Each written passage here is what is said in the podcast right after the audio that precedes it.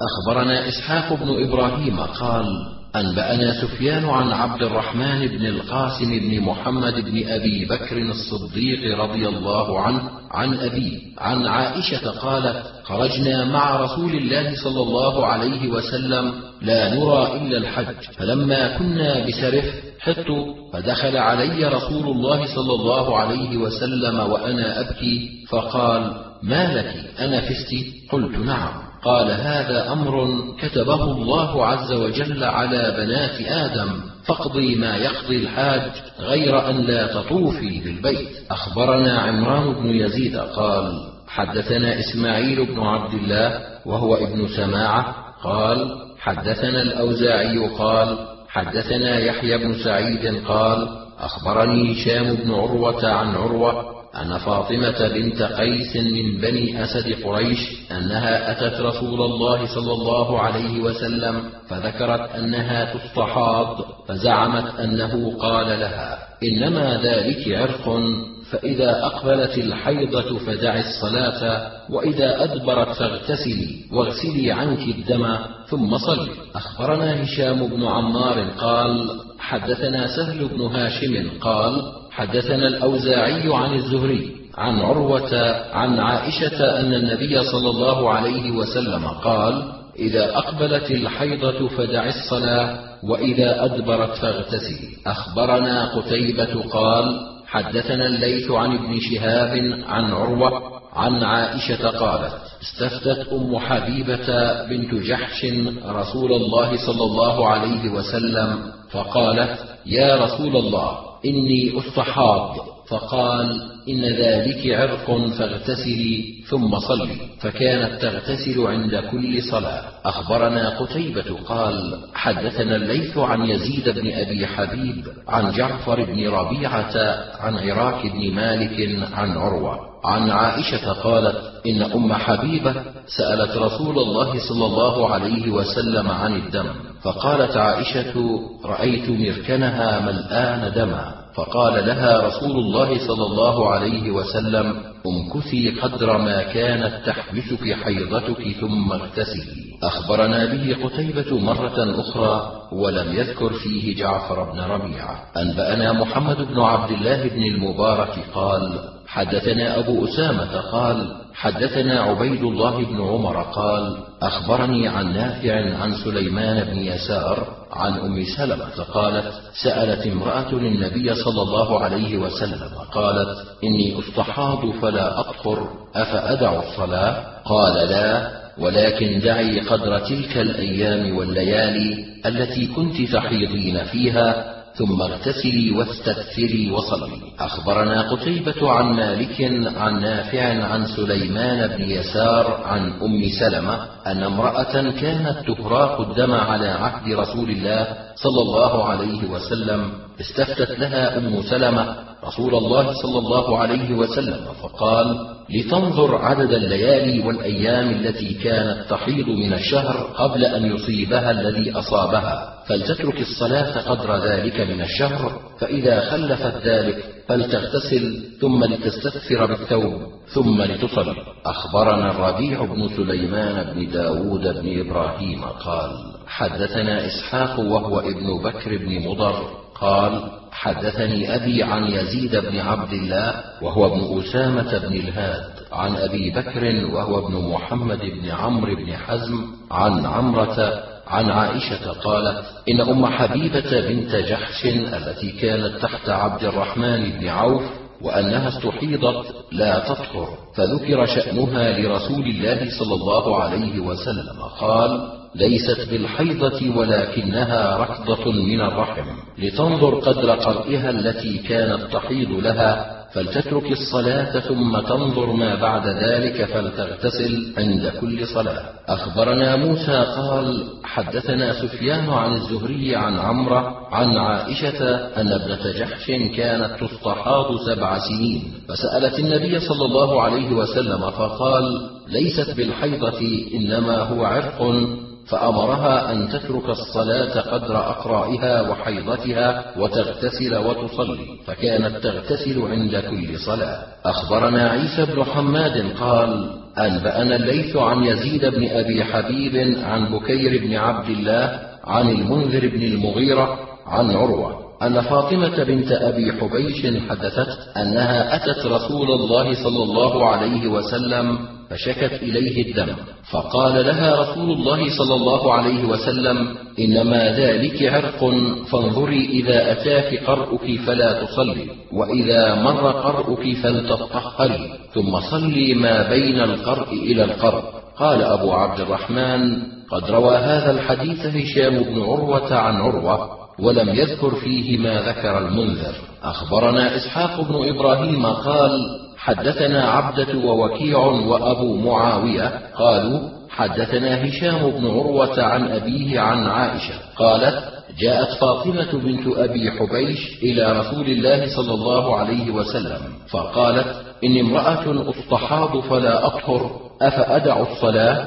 قال لا إنما ذلك عرق وليست بالحيضة فإذا أقبلت الحيضة فدعي الصلاة. وإذا أدبرت فاغسلي عنك الدم وصلي. أخبرنا محمد بن بشار قال حدثنا محمد قال حدثنا شعبة عن عبد الرحمن بن القاسم عن أبيه عن عائشة أن امرأة مستحاضة على عهد النبي صلى الله عليه وسلم قيل لها إنه عرق عاند وأمرت أن تؤخر الظهر وتعجل العصر وتغتسل لهما غسلا واحدا. وتؤخر المغرب وتعجل العشاء وتغتسل لهما غسلا واحدا وتغتسل لصلاة الصبح غسلا واحدا. أخبرنا سويد بن نصر قال حدثنا عبد الله عن سفيان عن عبد الرحمن بن القاسم عن القاسم عن زينب بنت جحش قالت قلت للنبي صلى الله عليه وسلم أنها مستحاضة.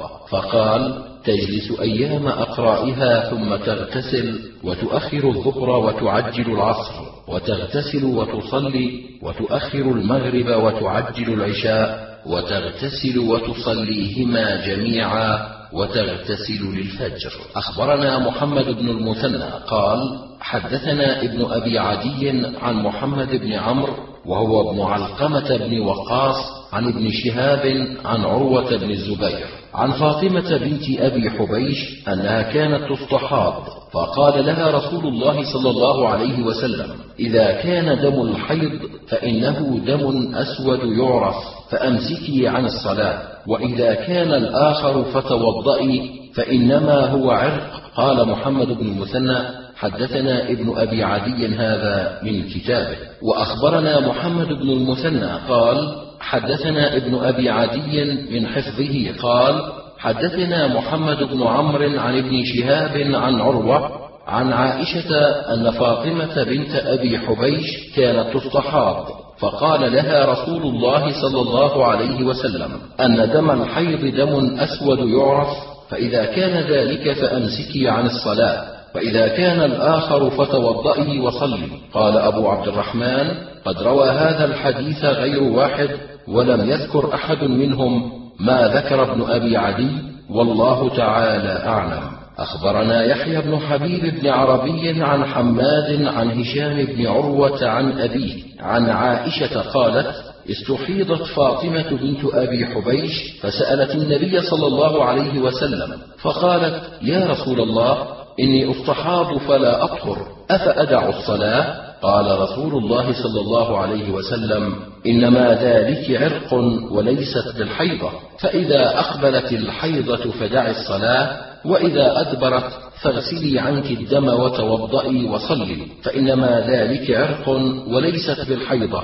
قيل له فالغسل؟ قال وذلك لا يشك فيه أحد. قال أبو عبد الرحمن قد روى هذا الحديث غير واحد عن هشام بن عروة ولم يذكر فيه وتوضئي غير حماد والله تعالى أعلم. أخبرنا سويد بن نصر قال حدثنا عبد الله عن هشام بن عروة عن أبيه عن عائشة أن فاطمة بنت أبي حبيش أتت رسول الله صلى الله عليه وسلم فقالت يا رسول الله إني أستحاض فلا أطهر فقال رسول الله صلى الله عليه وسلم إنما ذلك عرق وليست بالحيضة فإذا أقبلت الحيضة فأمسكي عن الصلاة وإذا أدبرت فاغسلي عنك الدم وصلي. أخبرنا قتيبة عن مالك عن هشام بن عروة عن أبيه عن عائشة قالت قالت فاطمة بنت أبي حبيش لرسول الله صلى الله عليه وسلم لا أطهر أفأدع الصلاة؟ فقال رسول الله صلى الله عليه وسلم إنما ذلك عرق وليست بالحيضة فإذا أقبلت الحيضة فدع الصلاة وإذا ذهب قدرها فاغسلي عنك الدم وصلي. أخبرنا أبو الأشعث قال حدثنا خالد بن الحارث قال سمعت هشاما يحدث عن أبيه عن عائشة أن بنت أبي حبيش قالت يا رسول الله إني لا اطهر أفأترك الصلاة؟ قال لا إنما هو عرق. قال خالد وفيما قرأت عليه وليست بالحيضة فإذا أقبلت الحيضة فدع الصلاة وإذا أدبرت فاغسلي عنك الدم ثم صل. أخبرنا عمرو بن زرارة قال أنبأنا إسماعيل عن أيوب عن محمد قال قالت أم عطية كنا لا نعد الصفرة والكدرة شيئا. أخبرنا إسحاق بن إبراهيم قال أنبأنا سليمان بن حرب قال حدثنا حماد بن سلمة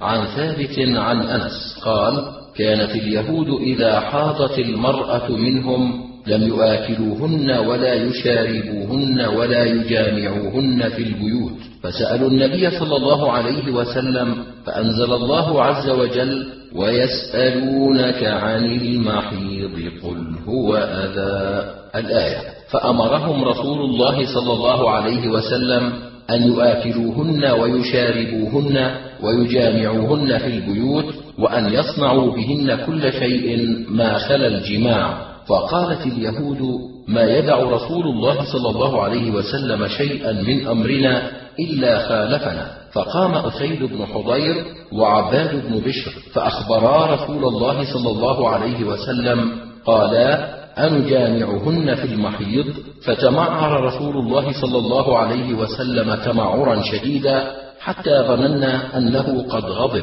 فقاما فاستقبل رسول الله صلى الله عليه وسلم هدية لبن فبعث في آثارهما فردهما فسقاهما فعرف أنه لم يغضب عليهما. أخبرنا عمرو بن علي قال حدثنا يحيى عن شعبة قال حدثني الحكم عن عبد الحميد عن مقسم عن ابن عباس عن النبي صلى الله عليه وسلم في الرجل يأتي امرأته وهي حائض يتصدق بدينار أو بنصف دينار. أخبرنا عبيد الله بن سعيد قال حدثنا معاذ بن هشام وأنبأنا إسحاق بن إبراهيم قال أنبأنا معاذ بن هشام قال حدثني أبي. وأنبأنا إسماعيل بن مسعود قال حدثنا خالد وهو ابن الحارث قال حدثنا هشام عن يحيى بن أبي كثير قال حدثني أبو سلمة أن زينب بنت أبي سلمة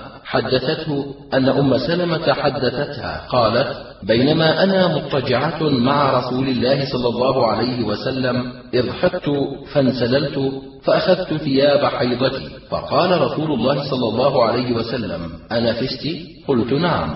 فدعاني فاضطجعت معه في الخميلة واللفظ لعبيد الله بن سعيد. أخبرنا محمد بن المثنى قال حدثنا يحيى عن جابر بن صبح قال سمعت خلاسا يحدث عن عائشة. قالت كنت أنا ورسول الله صلى الله عليه وسلم نبيت في الشعار الواحد وأنا طامث حائض فإن أصابه مني شيء غسل مكانه لم يعده ثم صلى فيه ثم يعود فإن أصابه مني شيء فعل مثل ذلك غسل مكانه لم يعده وصلى فيه. أخبرنا قتيبة قال حدثنا أبو الأحوص عن أبي إسحاق عن عمرو بن شرحبيل عن عائشة قالت كان رسول الله صلى الله عليه وسلم يأمر إحدانا إذا كانت حائضا أن تشد إزارها ثم يباشرها. أخبرنا إسحاق بن إبراهيم قال أنبأنا جرير عن منصور عن إبراهيم عن الأسود. عن عائشة قالت كانت إحدانا إذا حاضت أمرها رسول الله صلى الله عليه وسلم أن تتزر ثم يباشرها. أخبرنا هناد بن السري عن ابن عياش وهو أبو بكر عن صدقة بن سعيد. ثم ذكر كلمة معناها حدثنا جميع بن عمير قال دخلت على عائشة مع أمي وخالتي فسألتاها كيف كان رسول الله صلى الله عليه وسلم يصنع إذا حاضت إحداكن؟ قالت كان يأمرنا إذا حاضت إحدانا أن تتزر بإزار واسع ثم يلتزم صدرها وثدييها. أخبرنا الحارث بن مسكين قراءة عليه وأنا أسمع عن ابن وهب عن يونس والليث عن ابن شهاب عن حبيب مولى عروة عن بدية وكان الليث يقول ندب مولاة ميمونة. عن ميمونة قالت كان رسول الله صلى الله عليه وسلم يباشر المرأة من نسائه وهي حائض. إذا كان عليها إزار يبلغ أنصاف الفخذين والركبتين في حديث الليث تحتجز به. أخبرنا قتيبة بن سعيد بن جميل بن طريف قال أنبأنا يزيد بن المقدام بن شريح بن هانئ عن أبيه شريح أنه سأل عائشة هل تأكل المرأة مع زوجها وهي طامث قالت نعم كان رسول الله صلى الله عليه وسلم يدعوني فآكل معه وأنا عارف كان يأخذ العرق فيقسم علي فيه فأعترق منه ثم أضعه فيأخذه فيعترق منه ويضع فمه حيث وضعت فمي من العرق ويدعو بالشراب فيقسم علي فيه من قبل أن يشرب منه فآخذه فأشرب منه ثم أضعه فيأخذه فيشرب منه ويضع فمه حيث وضعت فمي من القدح. أخبرني أيوب بن محمد الوزان قال حدثنا عبد الله بن جعفر قال حدثنا عبيد الله بن عمرو عن الأعمش عن المقدام بن شريح عن أبيه عن عائشة قالت كان رسول الله صلى الله عليه وسلم يضع فاه على الموضع الذي أشرب منه ويشرب من فضل شرابي وأنا حائض. أخبرنا محمد بن منصور قال حدثنا سفيان عن مسعر عن المقدام بن شريح عن أبيه قال سمعت عائشة تقول كان رسول الله صلى الله عليه وسلم يناولني الإناء فأشرب منه وأنا حائض ثم أعطيه فيتحرى موضع فمي فيضعه على فيه. أخبرنا محمود بن غيلان قال حدثنا وكيع قال حدثنا مسعر وسفيان عن المقدام بن شريح عن أبيه عن عائشة قالت كنت أشرب من القدح وأنا حائض فأناوله النبي صلى الله عليه وسلم فيضع فاه على موضع فيه فيشرب منه وأتعرق من العرق وأنا حائض فأناوله النبي صلى الله عليه وسلم فيضع فاه على موضع فيه أخبرنا إسحاق بن إبراهيم وعلي بن حجر واللفظ له قالا حدثنا سفيان عن منصور عن أمه عن عائشة قالت كان رأس رسول الله صلى الله عليه وسلم في حجر إحدانا وهي حائض وهو يقرأ القرآن. أخبرنا عمرو بن زرارة قال أنبأنا إسماعيل عن أيوب عن أبي قلابة عن معاذة العدوية قالت سألت امرأة عائشة أتقضي الحائض الصلاة؟ فقالت أحرورية أنت؟ قد كنا نحيض عند رسول الله صلى الله عليه وسلم فلا نقضي ولا نؤمر بقضاء. أخبرنا محمد بن المثنى قال حدثنا يحيى بن سعيد عن يزيد بن كيسان قال حدثني أبو حازم قال قال أبو هريرة بين رسول الله صلى الله عليه وسلم في المسجد إذ قال يا عائشة ناوليني الثوب. فقالت إني لا أصلي. فقال إنه ليس في يدك فناولت. أخبرنا قتيبة عن عبيدة عن الأعمش وأخبرنا إسحاق بن إبراهيم. قال حدثنا جرير عن الأعمش عن ثابت بن عبيد عن القاسم بن محمد. قال قالت عائشة قال لي رسول الله صلى الله عليه وسلم ناوليني الحمرة من المسجد. فقلت إني حائض. فقال رسول الله صلى الله عليه وسلم ليست حيضتك في يدك. قال إسحاق أنبأنا أبو معاوية عن الأعمش بهذا الإسناد مثله. أخبرنا محمد بن منصور عن سفيان عن منبوذ عن أمه أن ميمونة قالت كان رسول الله صلى الله عليه وسلم يضع رأسه في حجر إحدانا فيتلو القرآن. وهي حائض وتقوم إحدانا بخمرته إلى المسجد فتبسطها وهي حائض أخبرنا نصر بن علي قال حدثنا عبد الأعلى قال حدثنا معمر عن الزهري عن عروة عن عائشة أنها كانت ترجل رأس رسول الله صلى الله عليه وسلم وهي حائض وهو معتكف فيناولها رأسه وهي في حجرتها. أخبرنا عمرو بن علي قال حدثنا يحيى قال حدثني سفيان قال حدثني منصور عن إبراهيم عن الأسود عن عائشة قالت كان رسول الله صلى الله عليه وسلم يدني إلي رأسه وهو معتكف فأغسله وأنا حائض. أخبرنا قتيبة قال حدثنا الفضيل وهو ابن عياض عن الأعمش عن تميم بن سلمة عن عروة عن عائشة أن رسول الله صلى الله عليه وسلم كان يخرج رأسه من المسجد وهو معتكف فأغسله وأنا حائض. أخبرنا قتيبة عن مالك عن هشام بن عروة عن أبيه عن عائشة قالت كنت أرجل رأس رسول الله صلى الله عليه وسلم وأنا حائض. أخبرنا عمرو بن زرارة قال أنبأنا إسماعيل عن أيوب عن حفصة قالت كانت أم عطية لا تذكر رسول الله صلى الله عليه وسلم إلا قالت بابا فقلت أسمعت رسول الله صلى الله عليه وسلم يقول كذا وكذا؟ قالت نعم. بابا قال لتخرج العواتق وذوات الخدور والحيض.